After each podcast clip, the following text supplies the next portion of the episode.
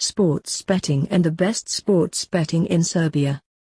We can safely say that sports betting has been the favorite pastime of many of our country's residents for many years.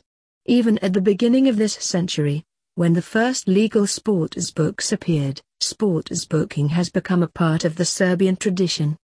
Of course, from that period until today, there have been major changes in the sports betting industry, both at the global and local levels, although the enthusiasm for sports betting does not seem to be waning in the Serbs.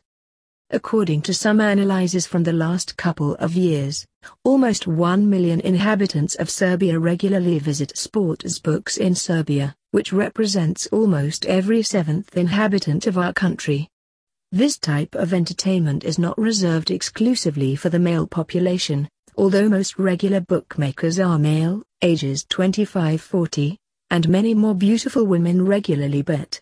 Nowadays, sports books are increasingly moving from local cafes and clubs to the online betting world, which is certainly a worldwide trend.